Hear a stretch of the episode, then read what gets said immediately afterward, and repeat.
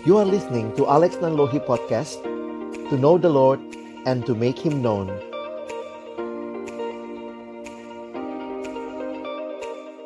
Mari sama-sama kita berdoa sebelum kita membaca merenungkan firman Tuhan. Kami kembali datang dalam ucapan syukur pagi ini. Terima kasih Tuhan Karena sungguh Engkau baik Dan Engkau menyatakan kebaikan-Mu bagi kami Kembali Tuhan bangunkan kami dengan kekuatan kesegaran yang baru dan kami siap untuk mengikuti hari yang kedua ini di dalam retret kami kembali membuka firman-Mu. Kami mohon waktu kami buka firman-Mu, bukalah juga hati kami.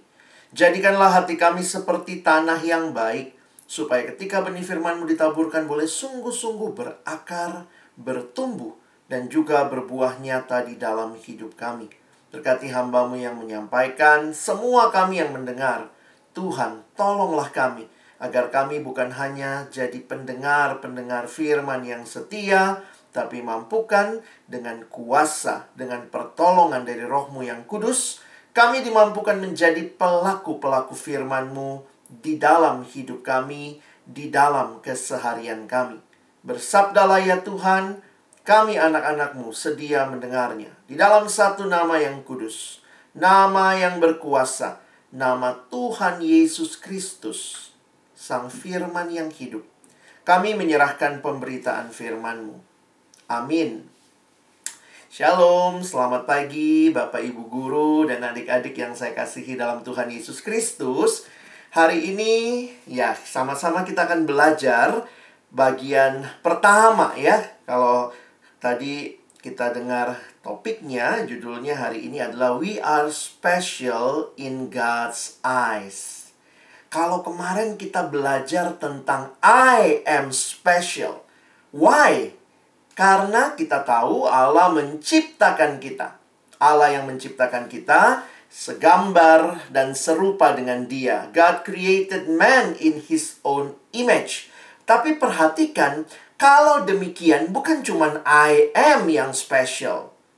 Apakah papa mamamu diciptakan sebagai gambar dan rupa Allah? Image of God? Yes. Koko Cici? Yes. Adik? Yes. Uh, pembantu di rumah? Yes. Uh, supirmu? Yes, gitu ya. Mereka juga image of God.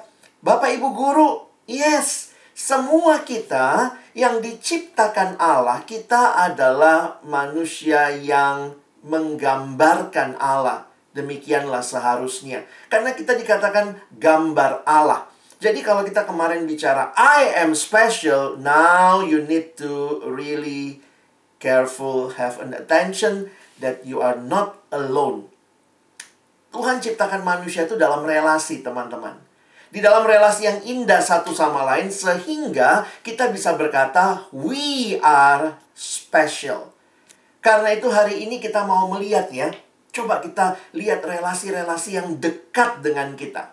Nah, Kak Alex akan bawakan dua sesi. Nah, yang pertama ini Kak Alex ingin aja kita lihat relasi yang paling dekat dengan kita. Yaitu apa? Relasi keluarga. Di rumah ada papa mama ada adik kakak, koko cici, dede.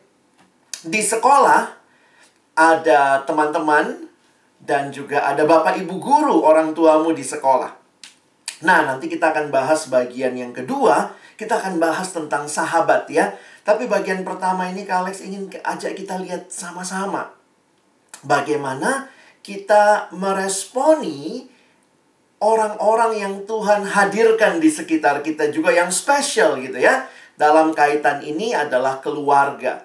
Kalau kemarin kita bilang saya itu berharga, saya itu unik, saya itu diciptakan untuk kemuliaan Allah, jangan lupa berarti papa mamamu juga unik.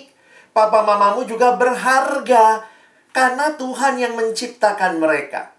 Nah, menarik sekali kemarin waktu kita berbicara tentang hal-hal yang tidak bisa diubah. Wow, kalau tidak bisa diubah, salah satunya adalah keluarga, maka bagian kita apa? Ya kita bersyukur, kita menerima keberadaan keluarga kita. Mengapa teman-teman? Coba perhatikan ya. Secara khusus kita tidak bisa memilih siapa yang akan menjadi orang tua kita. Mungkin kalau Kak Alex tambahkan lagi, kita nggak bisa memilih siapa yang menjadi koko, cici, dedek kita. Demikian juga orang tua kita tidak bisa memilih siapa yang menjadi anak mereka. Koko cicimu, dedekmu nggak bisa memilih siapa yang akan jadi saudara mereka. Nah, ini adalah satu anugerah Tuhan, teman-teman, yang Tuhan berikan kepada kita. Karena itu, dalam situasi yang sedemikian ini, yang Tuhan sudah berikan bagi kita, bagaimana relasi yang Tuhan kehendaki? Secara khusus, kita bicara dengan orang tua dulu, ya. Nah, coba perhatikan.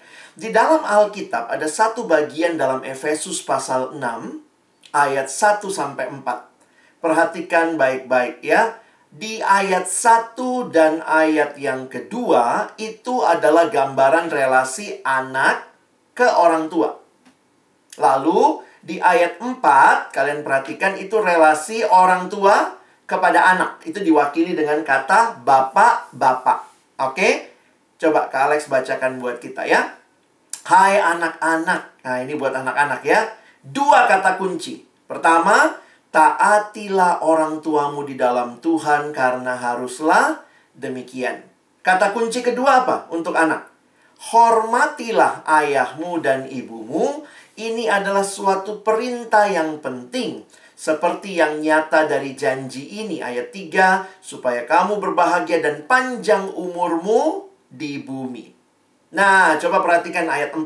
Sekarang buat orang tua, ya, ada bapak-bapak diwakili oleh bapak-bapak, tapi termasuk ibu juga tentunya ya. Dan kamu bapak-bapak, kata kunci pertama atau frasa kunci untuk orang tua, janganlah bangkitkan amarah di dalam hati anak-anakmu. Lalu, tetapi frasa kunci yang kedua apa?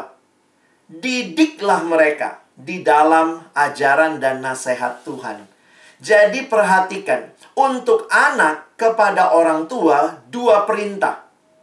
Taatilah, hormatilah. Untuk orang tua kepada anak dua juga perintah. Jangan bangkitkan amarah dan didiklah mereka di dalam ajaran dan nasihat Tuhan. Nah, jadi teman-teman yang dikasihi Tuhan, kita belajar dari firman Tuhan pagi ini dalam relasi dengan orang tua, dan orang tua kepada anak. Nah, ini mungkin bagian kamu hanya yang satu ya, ayat satu dan dua ya. Nanti bagiannya orang tua nanti ada tuh orang tua, ada kesempatan, ada pembinaan, mungkin bisa juga belajar lebih jauh apa artinya jangan bangkitkan amarah dan didiklah anak-anak. Tapi bagian anak-anak. Nah, kalian pegang dulu ini. Taatilah dan hormatilah. Perhatikan ini bukan baru muncul di kitab Efesus karena sudah ada sejak lama. Masih ingat 10 perintah Allah? Di kitab Keluaran pasal 20 ayat 12. Ini perintah yang keberapa? Ada yang ingat nggak? Taruh tangannya keberapa nih? Yang ke lima. Ya, setelah ingat dan kuduskan hari sabat, lalu perintahnya apa? Hormatilah ayahmu dan ibumu supaya lanjut umurmu di tanah yang diberikan Tuhan Allahmu kepadamu. Sehingga kalau kita tadi membaca di Efesus, ini seperti diulangi lagi bahwa anak-anak taatilah orang tuamu di dalam Tuhan. Dan kedua, hormatilah ayahmu dan ibumu. Di dalam bahasa Inggris, istilah hormatilah, Kak Alex mau tunjukkan kepada kalian, dipakai istilah honor Honor your father and mother. This is the first commandment with a promise. Menarik ya, bahwa di dalam janji atau sorry, di dalam hukum Tuhan yang ada 10 itu ya, 10 hukum Taurat, satu-satunya hukum yang punya janji ini. Honor your father and mother. This is the first commandment with a promise. Apa promise-nya? That it may go well with you and that you may live long in the land. So, apa itu honor? Nah, Alex jelasin di sini ya. Honor means to treat someone with proper respect due to the person and their role. Jadi, Papamu, mamamu itu kan manusia, ya. Itu kan pribadi, itu kan orang kira gitu gitu ya. Itu the the person dan role-nya ya papa ya papa, mama ya mama begitu ya. Nah, dan ini berarti apa? Dalam hubungan dengan orang tua, what does it mean to honor them? With regards to parents, this means, nah ada dua hal yang Kak Alex ingin ajarkan buat kita ya dari apa yang Alkitab sampaikan. Apa artinya honor, hormati orang tuamu? Berarti treating them with humble submission and respect. Wow, ini kalau kita pikir-pikir kayaknya kedengarannya gampang ya. Memperlakukan mereka dengan uh, ketundukan yang rendah hati. Jadi kita tuh bukan tunduk karena kesel gitu. Iya deh, iya deh gitu ya. Tapi humble submission and respect. Kita hormat kepada mereka. Teman-teman ternyata di Alkitab banyak loh ayat-ayat hati-hati sama orang tua dalam pengertian apa? Supaya kalian juga bisa memperlakukan mereka dengan baik. Coba lihat ya beberapa ayat ini. Kak Alex juga kaget pas lihat di Alkitab ada loh kalimat ini. Lihat. Siapa yang memukul ayahnya atau ibunya, pastilah ia dihukum mati. Wih, kadang-kadang ada anak kurang ajar juga ya. Papanya dilempar, mamanya dilemparin, atau kadang-kadang di, dipukul kali mungkin ya, dipukul yang yang kadang-kadang itu ya kalau masih kecil, anak kecil misalnya kesel sama papa mamanya, ah dede umur setahun, dua tahun pukul-pukul papa mama, oke okay lah ya, masih anak kecil. Tapi kalau kamu kesel, kamu lempar barang, kamu maki-maki, ada ayat berikutnya, keluaran 21. Siapa yang mengutuki ayahnya atau ibunya, ia pasti dihukum mati. Mungkin kamu bilang, ah aku mukul kemarin kak, nggak mati kok akunya. Hmm, teman-teman, memang uh, apa ya ayat-ayat ini bukan untuk nakut-nakutin. Tetapi ayat ini hanya menunjukkan betapa Tuhan mau kita meresponi orang tua dengan hormat. Belajar bicara dengan santun kepada mereka. Belajar bicara dengan baik. Makanya kalau di dalam rumah biasanya itu harus diajarin gitu ya. Saya ingat dari kecil kalau dipanggil harus menyahut harus jawab. Dan jawabnya juga jelas Misalnya dipanggil Alex, jangan cuman iya, iya, apaan sih? Iya gitu ya, tapi ya, pa, ya, ma. Jadi itu sebenarnya bagian dari bukan hanya sopan santun, tapi Kak Alex lihat ini bagian dari Tuhan merindukan kita jadi orang-orang yang benar-benar punya hidup yang baik satu sama lain. Nah, jadi ingat ya, Baru tahu juga kan ada ayat kayak gini ya. Ah, ayo yang masih tidak hormat sama orang tua, please. If you are special, then you need to think that your parents they are also special. That's why God wants you to treat them as a special people. Jangan dipukul, jangan dimaki-maki, dikutuk-kutuk, tapi dikasihi dan kalimatmu akan menolong kamu juga bisa menunjukkan respect kepada mereka, ya. Nah, ini yang pertama. Nah, yang kedua, apa artinya hormati orang tua? Ternyata di Alkitab ini berkaitan dengan masa tua mereka. Nah, teman-teman memang ya kita ada dalam budaya yang sekarang ah, ada panti jompo. Udahlah kalau papa mama udah tua masukin panti jompo ya. Tetapi sebenarnya Alkitab berbicara apa? Tanggung jawab, providing them, providing for them and looking after them in their old age. Kenapa? Ini menunjukkan satu tanggung jawab. Makanya kalau saya harus katakan ya, teman-teman, belajarlah mengasihi orang tuamu, jangan tunggu waktu tua. Dari sekarang, please. Belajar untuk respect sama mereka. Nah, ini di Alkitab ada ayat ini ya. 1 Timotius pasal 5 ayat 4. Tetapi jikalau seorang janda mempunyai anak atau cucu, hendaklah mereka itu pertama-tama belajar berbakti kepada kaum keluarganya sendiri dan membalas budi orang tua dan nenek mereka karena itulah yang berkenan kepada Allah. Woi, menarik juga ya. Alex waktu persiapan juga baru ngeh. Iya ya, Alkitab juga berbicara menghormati dengan kita memperhatikan. Kita looking after them in their old age. Sehingga kita tidak jadi orang yang egois, cuman berpikir tentang diri kita. Tapi ingatlah Tuhan kasih kita orang tua. Sebuah relasi yang terkait dengan darah. Di dalamnya juga Tuhan mau kita punya relasi yang indah satu sama lain. Nah tadi Kak Alex bilang kan, ini satu-satunya perintah dalam 10 hukum Taurat yang disertai dengan janji. Dan itu muncul di keluaran, muncul juga di bacaan kita Efesus 6 tadi supaya lanjut umurmu di tanah yang diberikan Tuhan Allahmu kepadamu. Oh, apakah ini berarti Kak Alex kita nggak bakal mati-mati? Oh, enggak sih ya. Kalimat lanjut umurmu, panjang umurmu, saya terjemahkannya begini ya. That your days may be long. This does not merely mean a long life physically, but ones that is filled with God's presence and flavor. Kalau kalian ada dalam kehidupan keluarga, kalian hormati orang tuamu dan nanti juga orang tua punya bagian ya. Harus mengasihi anak, mendidik anak. Ketika itu terjadi, sebenarnya itulah keindahannya. Hidup yang panjang tidak selamanya bicara umur panjang. Tetapi hidup yang damai, hidup yang tenang, hidup yang nikmat karena Allah hadir dan Allah berkenan. Bayangkan kalau rumah tangganya cekcok terus. Biar umur sampai 80 tahun, 90 tahun, tapi berantem aja tiap hari kerjanya. Bukan itu umur panjang. Tetapi ketika anak, orang tua, kakak adik hidup dengan baik, hormat satu sama lain, peduli satu sama lain, maka lihat apa yang terjadi. Allah berkenan, Allah hadir dan itulah keindahan dari kehidupan ya. So, That's your days may be long bukan sekadar bicara umur secara harafiah, tetapi sebuah situasi yang indah karena di tengah kedamaian itu ada Allah yang hadir. Kak Alex kutip satu kalimat yang menarik ya, ini bisa jadi quotes yang baik.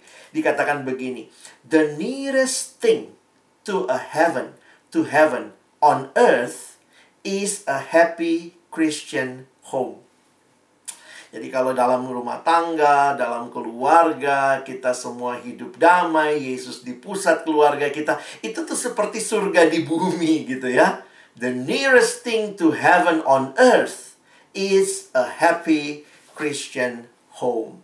Wah, itu indah sekali ya. Tapi mungkin kalian tanya, tapi ke Alex, di rumah suka berantem nih, apalagi pas COVID. Waduh, memang satu survei menemukan bahwa di tengah COVID, keluarga ngumpul di rumah bareng-bareng harus lockdown ternyata tuh lebih rentan sama sama konflik. Tapi Kak Alex selalu ingat ya kalimat dari dosen saya, dia dosen psikologi, dia bilang gini. Orang yang menyakiti kita atau kita itu bisa merasa tersakiti ketika orang orang yang menyakiti kita itu kita anggap dekat dengan kita. Jadi yang menyakiti kita itu adalah orang yang dekat dengan kita. Contoh begini ya, ada nggak yang minggu lalu disakitin oleh Joe Biden, Joe Biden, Presiden Amerika? No, he is too far away. Siapa yang nyakitin kamu? Yang kamu rasa nyakitin? Mungkin papamu, mungkin mamamu, mungkin koko, cici, dede, mungkin bapak ibu guru waktu ngomong, waktu ngajar. Jadi teman-teman, Waktu kamu bisa ngerasa sakit, sebenarnya itu tanda kamu deket loh sama orang yang kamu ngerasa, kok dia nyakitin aku sih? Karena kalau kamu nggak deket, bodoh amat. Itu urusannya dia. Nah, jadi teman-teman, Kak Alex ingin mengajak kita melihat bahwa kita tidak bisa me, me, apa kita tidak bisa menolak bahwa relasi yang dekat salah satu potensi yang mungkin terjadi adalah konflik. Ya, jadi kalau ada konflik, ada pergumulan, satu sisi selesaikan. Tapi sisi lain, syukurilah bahwa iya ya Tuhan, itu berarti saya nih merasa dekat. Kan suka kita ngomong gitu, harusnya papa mama kan orang yang paling ngerti dong sama saya, gue. Karena kamu merasa dekat. Coba ada yang bilang gitu nggak? Harusnya papa mamanya si Anu ngerti saya dong. Ya siapa? Nggak ada hubungannya papa mamanya orang gitu ya. Justru waktu kamu merasa harusnya papa mama yang paling ngerti aku. Oh, di situ kamu merasa harusnya tuh kedekatan itu ada. Makanya selesaikan. Ajak ngomong papa mama gitu ya. Cerita. Jadi itu jadi bagian yang menolong kita. Kenapa? Karena Kak Alex bilang tadi ya, saat pandemi seperti ini harus stay at home. Ingat teman-teman, bukan cuma anak yang stres, orang tua juga stres. Kadang-kadang kita tuh suka egois, jadi anak egois. Mama, papa, gue capek banget nih, belajar mulu, lihat layar. Terus kita maki-maki, kita marah-marah. Dibawain minum, apaan sih gitu ya. Dideketin, ingetin makan, masih pengen main game, apa sih gitu. Jadi kadang-kadang, teman-teman, kita harus belajar juga melihat, papa mamamu juga mungkin stres ya harus tinggal di rumah, ngurusin kamu. Pada saat yang sama kalau papa mama kerja, harus kerja dari rumah, lagi kerja ada interupsi, anak ganggu, tiba-tiba tukang gas datang, tukang air datang misalnya apa. Jadi memang nggak mudah. Jadi saya harap teman-teman jangan cuma merasa aku dong yang dimengerti. Aku nih capek banget, aku nih siswa. Wih, udah kelas 6 nih, aduh capek banget. Kamu ngerti nggak? Papa mama juga mungkin mengalami stres. Mungkin juga mengalami pergumulan Iya nih, papa mama seringnya marah-marah mulu sih, Kak. Belakangan nih marah mulu, marah mulu. Ditanya dikit marah gitu. Karena mungkin juga mereka mengalami pergumulan yang sama. Karena itu Kak Alex selalu ingat kalimat Tuhan Yesus ya. Apa itu kalimatnya? Ini kalimat ini. Tuhan Yesus bilang begini. Segala sesuatu yang kamu kehendaki supaya orang perbuat kepadamu, perbuatlah demikian juga kepada mereka. Itulah isi seluruh hukum Taurat dan kitab para nabi. Menarik ya?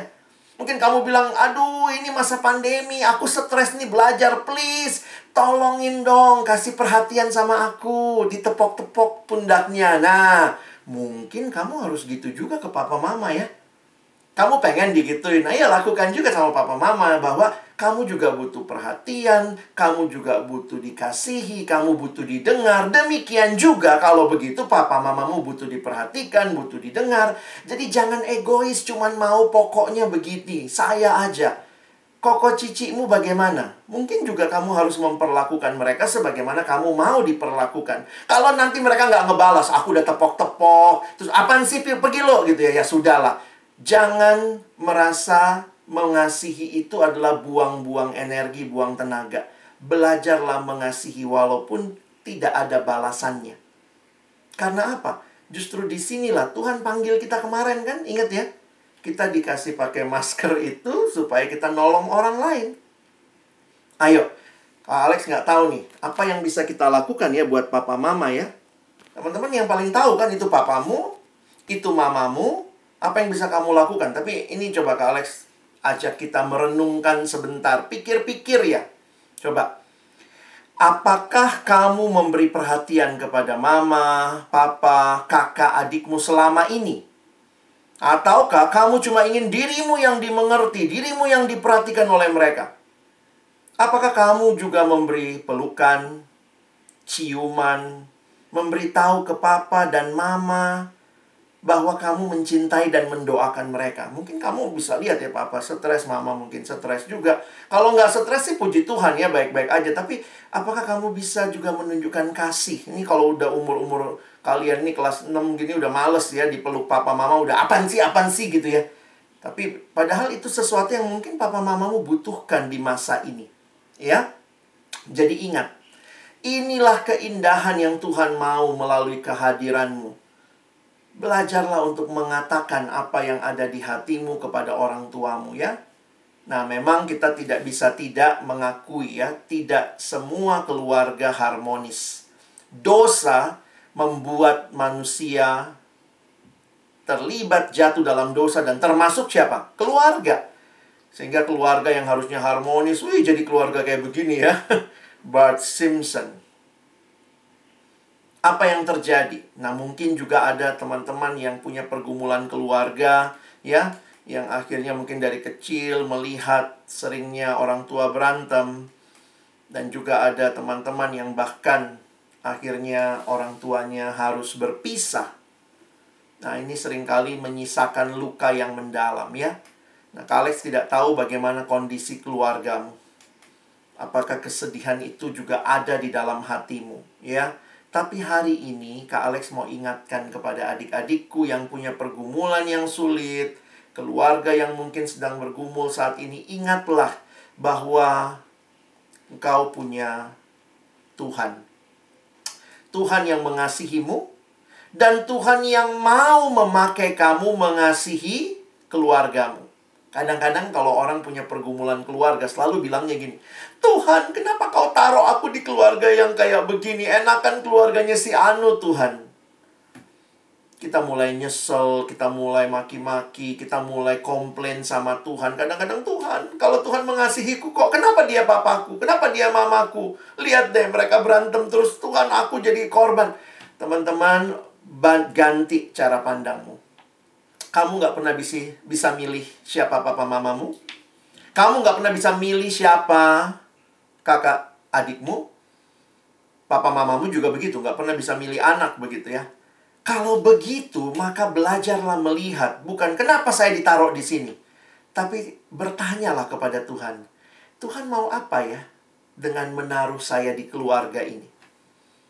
Mungkin Tuhan mau kamu belajar mengampuni, ya, karena sering kali konflik tidak akan pernah selesai ketika tidak ada yang berdamai. Maka buat teman-teman yang dalam pergumulan keluarga yang berat, ingatlah firman Tuhan ya.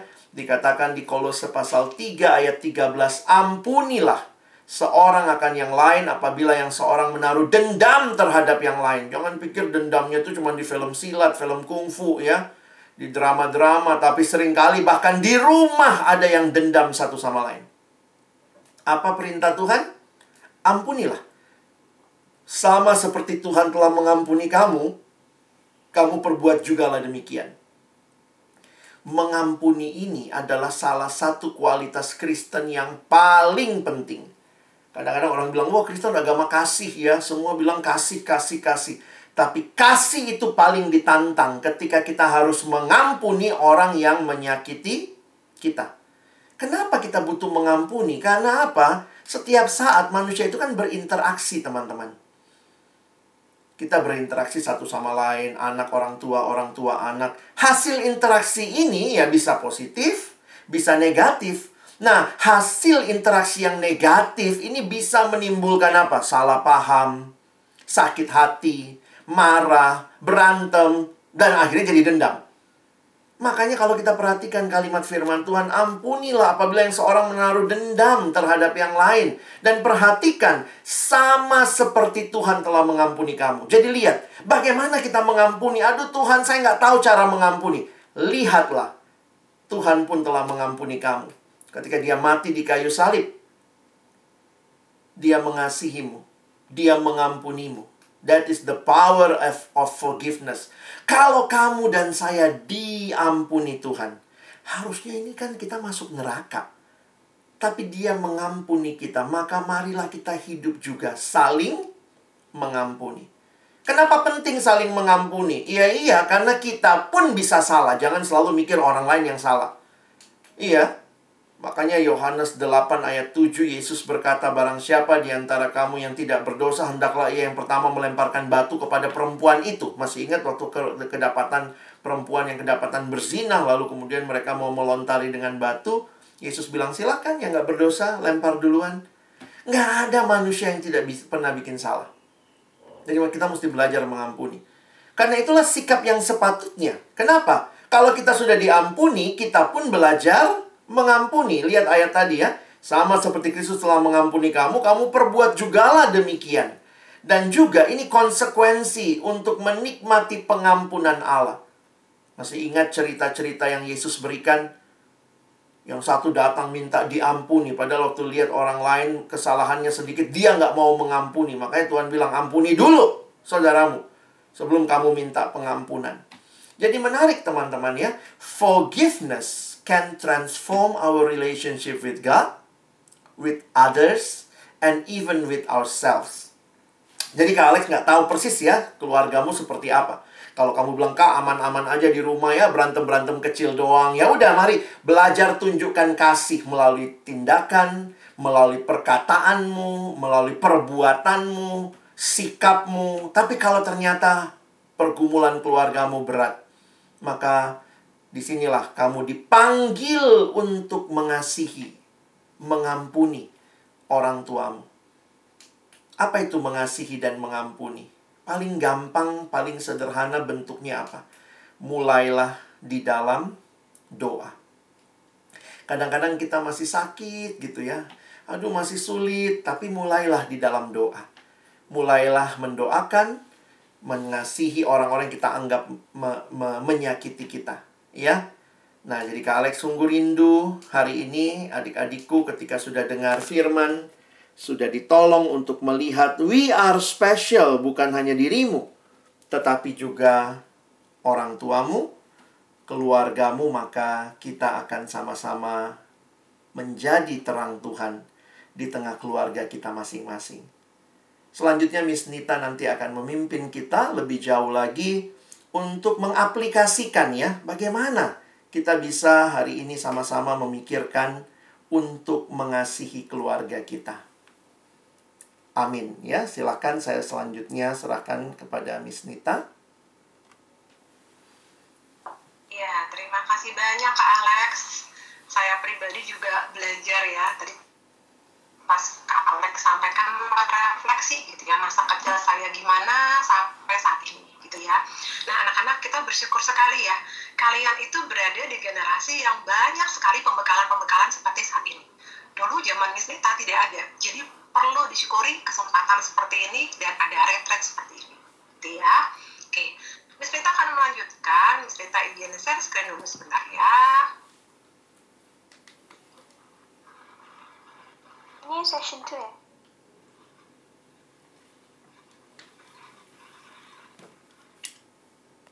kita nggak usah ngomongin jauh-jauh. Oke, aku mau berjalan bersama Yesus. Aku mau menjadi misionaris ke ujung dunia. Gitu. Nah, nggak usah jauh-jauh seperti itu. Kita mulai dari keluarga kita yang paling kecil. Start from my family. Kalau kita melihat gambar ini, ya, wah, kayaknya keluarga ini tuh harmonis banget ya. Penuh senyum, tawa. Kayaknya yang tadi Kak Alex katakan tuh punya konflik, punya masalah, kayaknya ini nggak ada di keluarga ini, gitu ya. Ini keluarga yang sangat ideal banget, lengkap tadi, masih ada papa dan mama, gitu ya. Dan mungkin tidak semua keluarga kita berada seperti ini, gitu ya. Penuh dengan senyum, penuh dengan tawa, bahagia, sukacita selalu, dan lengkap keluarganya. Ini mau share sedikit tentang keluarga Nisnita, ya. Nah, ini keluarga Nisnita, foto jadul, gitu ya. Dan foto ini diambil pada tahun 1975. Wah, aku pasti belum lahir. Karena saat itu Miss pun juga lama.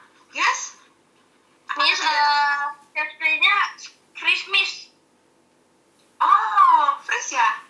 Oke, oke. Iya, iya. Miss, Miss ulangi ya? Oh, so sorry, so sorry. Oke. baru-baru kelihatan Miss. Oh, baru. Oke, oke. Siap. Thank you ya untuk dikonfirmasi seperti itu. Jadi Miss paham, thank you. Karena Miss tidak melihat kalian semua nih ya. Miss terblok dengan layar yang Miss tampilkan. Oke, thank you. Miss lanjut ya sayang. Nah, jadi ini adalah gambaran keluarga Miss Nita, gitu ya. Miss mau tanya dong, tolong bantu ya, siapa yang sudah memberikan respon? Dari keluarga Miss Nita ini, yang mana Miss Nita? Aku Miss, aku Miss, aku mau, aku mau.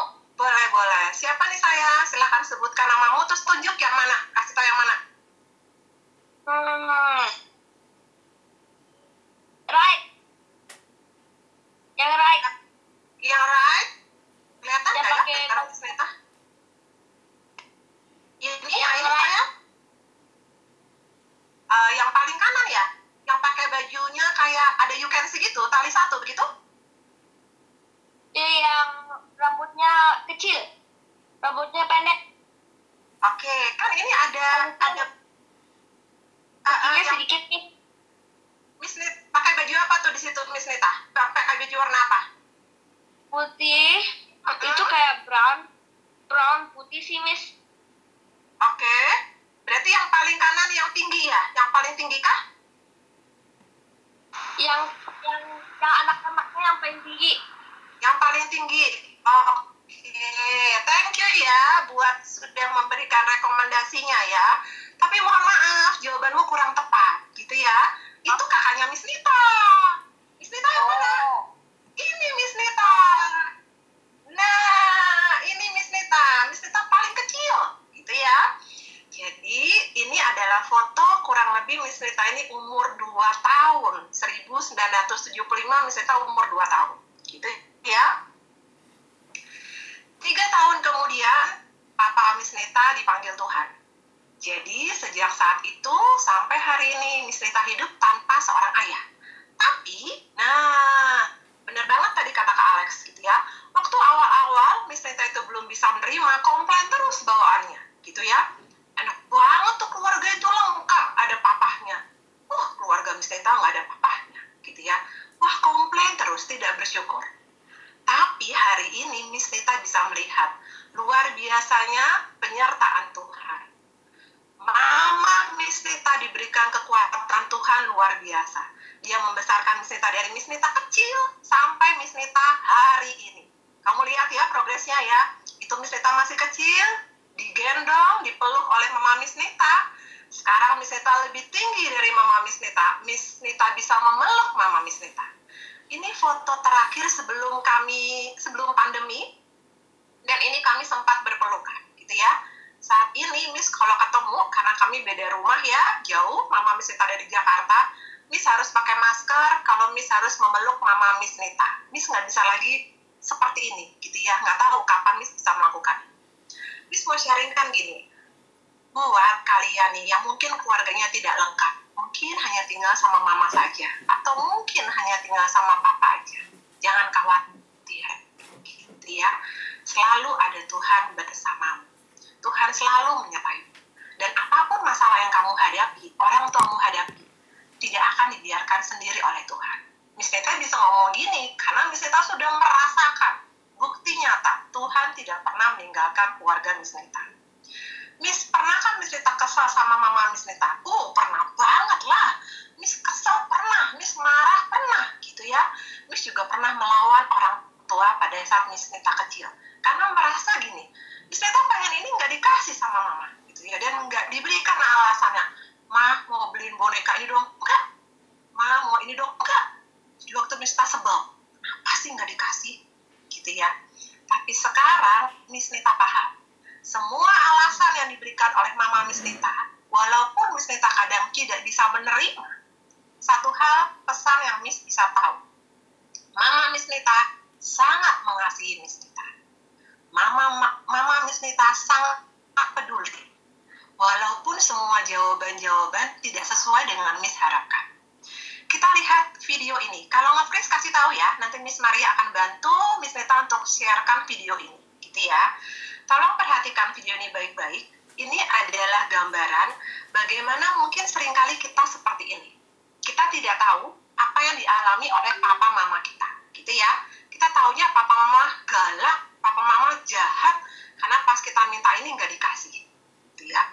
Intinya dari video yang tadi kita lihat adalah kita sering kali itu ketika menganggap orang tua kita orang tua kita mengatakan sesuatu yang kita tidak suka gitu ya kita selalu berasumsi negatif gitu ya. Ah pasti papa mama tuh nggak sayang sama aku gitu ya. Tapi ternyata tidak selalu seperti itu. Ada hal-hal yang papa mama tuh sembunyikan gitu ya. Jadi ketika anaknya ingin sesuatu gitu ya apalagi seperti kalian saat ini nih lagi kuliah eh, lagi sekolah online gitu ya. Pengen gadget pengen device yang canggih supaya kita bisa belajar online gitu ya. Udah minta dari lama-lama papa mama nih lama banget sih nggak kasih kasih yang laptop yang canggih gitu ya. Mungkin mereka bukan yang nggak mau kasih nak. Mereka lagi mikir bingung aduh gimana caranya ya? Ini pendapatan sejak pandemi berkurang begitu ya. Biaya ekonomi juga terpengaruh. Sementara anakku perlu laptop untuk sekolah online aku perlu satu-satu menabung gitu ya. Mungkin ya dia sampaikan belum dulu ya nak padahal sebenarnya mereka sedang mengusahakan. Seperti kisah si ibu ini gitu ya. Karena dia sendiri dia sibuk melakukan pekerjaannya terkesan seolah-olah dia nggak peduli sama anaknya gitu ya. Ketika tadi anak menunjukkan gambarnya seolah kayaknya ibunya sibuk bekerja. Karena emang dia harus melakukan itu semua. Tapi pada saat malam hari ketika anaknya sudah tertidur dengan lelap si ibu itu melihat hasil gambar anak yang tadi sudah dirobeknya, dikumpulkannya kembali, disatukannya kembali. Dan ternyata dia nabung gitu ya. Pada akhir hidupnya setelah dia meninggal, anaknya baru menemukan ternyata selama ini ibunya itu menyimpan uang sedikit demi sedikit untuk keperluan anaknya sekolah. Wow, luar biasa ya. Jadi mulai hari ini yuk kita belajar menghormati orang tua kita, menghargai orang tua kita ada banyak hal yang dia tidak sampaikan ke kita. Dia sembunyikan, tapi dia simpan itu untuk kebaikan. Yuk, Miss mau ngajak kalian merefleksikan apa yang tadi kita sudah pelajari di dalam sebuah surat. Silahkan kalian menyiapkan alat tulis, kertas surat, dan amplop yang sudah diberikan oleh guru-gurumu. Gitu ya. Perhatikan, ini yang akan kalian lakukan. Siapkan amplopnya, siapkan kertas suratnya, dan pastinya alat tulisnya. Kalian akan menuliskan beberapa poin untuk orang tuamu. Itu ya. Oke. Empat poin yang harus kalian tulis. Ya, nanti selainnya akan miss screenshot, miss taruh di chat. Gitu ya. Empat poin yang pertama adalah ucapan terima kasih. Gitu ya. Jadi mulailah di bagian awal gitu ya. Dear mom and dad, thank you for everything you have done for me gitu ya. Belajar untuk say thank you kepada papa mama. Apa aja. Kamu bisa ingat-ingat mulai dari aku lahir dari sampai aku sekarang. Aku pernah di opnam dirawat di rumah sakit. Aku pernah dibeli ini oleh papa mama. Aku pernah diajarin ini oleh papa mama. Say thank you for everything ya. Mereka sediakan waktunya di tengah-tengah kesibukan mereka untukmu yang kedua belajar untuk meminta maaf tadi Kak Alex mengingatkan ya bagian dari kita berjalan bersama dengan Kristus adalah kita sudah mendapatkan pengampunan dari Kristus. Maka kita pun juga belajar untuk berani meminta ampun, mohon maaf kepada orang tua. Pasti kita pernah melawan orang tua, kita pernah membentak mereka, kita pernah tidak taat, kita pernah melukai hati mereka.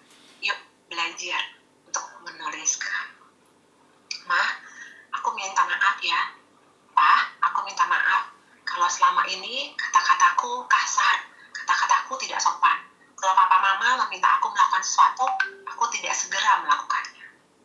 Oke? Poin yang ketiga. Nah, memberi maaf kepada orang tua. Orang tuamu adalah manusia berdosa juga. Dan mereka belum pernah menjadi orang tua sebelumnya. Jadi mari kita berikan ruang kepada mereka. Mereka pasti juga pernah melakukan kesalahan mari kita belajar untuk melepas pengampunan kita kepada mereka. Mah, ah, aku mengampunimu untuk setiap hal yang pernah kau lakukan untukku. Aku pernah terluka, aku pernah kecewa pada saat papa mama melakukan ini, mengucapkan kalimat ini untuk aku. Tapi aku mau memaafkan papa dan mama. Mari kita belajar saling memaafkan. Orang tua kita tidak sempurna, di dalam mereka menjadi orang tua, ada kalanya mereka gagal, mereka jatuh. Yuk, kita belajar untuk tidak menghakimi mereka, ya. Karena tidak selalu orang tua selalu tahu segalanya. Kita belajar untuk memberi maaf kepada mereka. Dan yang keempat, yuk kita sama-sama buat komitmen ya. Kita belajar membuat komitmen perbaikan. Pikir kira-kira apa yang selama ini kamu sering lakukan melukai hati orang tuamu satu saja, gak usah banyak-banyak. Janji kepada orang tua untuk mengubah sikap. Misalnya, selama ini tuh aku gak pernah mau nih kalau misalnya diajak devosi bareng sama papa mama gitu ya atau sama adik dan kakakku aku selalu mengatakan ntar aja ntar aja aku mau main game dulu ya atau kalau diajak aku pura-pura tidur pura-pura sebentar dan ngerjain tugas ada sama Tiff gitu ya tapi ketika mereka nanti udah pergi aku nggak ngerjain sama Tiff juga sih miss aku ngeliat YouTube aku main games Nah, aku mau ubah hal itu. Tulislah komitmenmu. Nah, Pak, aku minta maaf. Aku janji, mulai hari ini aku mau belajar menghargaimu. Pada saat waktu devosi bersama,